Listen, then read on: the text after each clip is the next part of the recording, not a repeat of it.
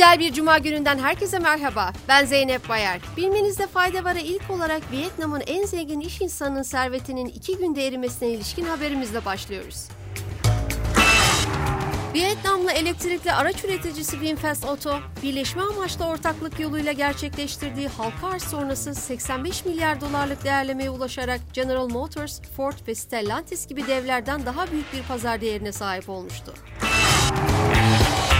Şirketin hisseleri New York'taki son iki işlem gününde keskin şekilde düştü ve salı günü Nasdaq Global Select Market'ta halka arz edildiğinde elde ettiği %255'lik kazancın yarısından fazlasını sildi. Bloomberg Milyarderler Endeksine göre şirketin CEO'su Pamnat Wong'un net serveti kabaca %40 düşerek 26,2 milyar dolara geriledi. Sırada Londra'dan lüks konut fiyatlarının düşüş haberi var. İngiltere'de ipotek oranlarının kısa sürede hızla artması, anlaşmaların iptal olmaması için Londra'nın en varlıklı konut satıcılarını bile indirim yapmaya zorladı.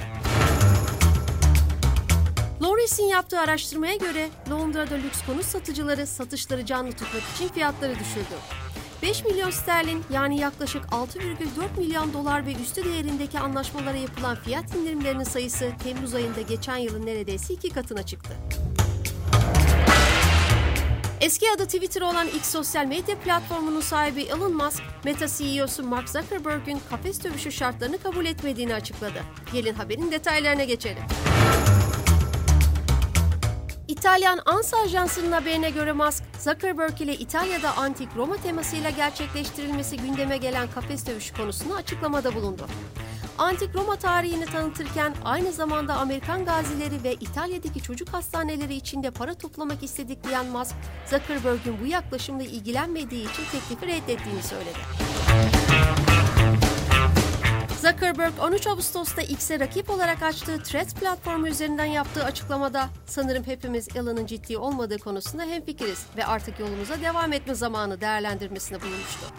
Musk ise Meta CEO'sunun açıklamalarına X platformu üzerinden zak bir tavuk şeklinde yanıt vermişti.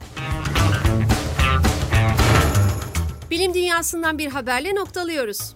University College London'dan bir grup bilim insanı Portekiz kıyılarında okyanus tabanından toplanan deniz tortusunda soğumaya dair kanıtlar buldu. Söz konusu kanıtlar Avrupa'daki ilk insanların yaklaşık 1,1 milyon yıl önce havanın aniden soğuması nedeniyle yok olduğunu ortaya koydu.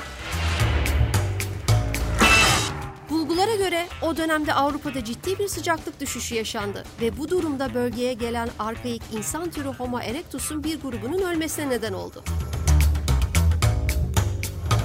Hem okyanus yüzeyinden hem de tabanından toplanan deniz planktonu kalıntılarındaki temel izotop analizleri de yaklaşık 1,1 milyon yıl önce ani bir soğumanın meydana geldiğini gösterdi.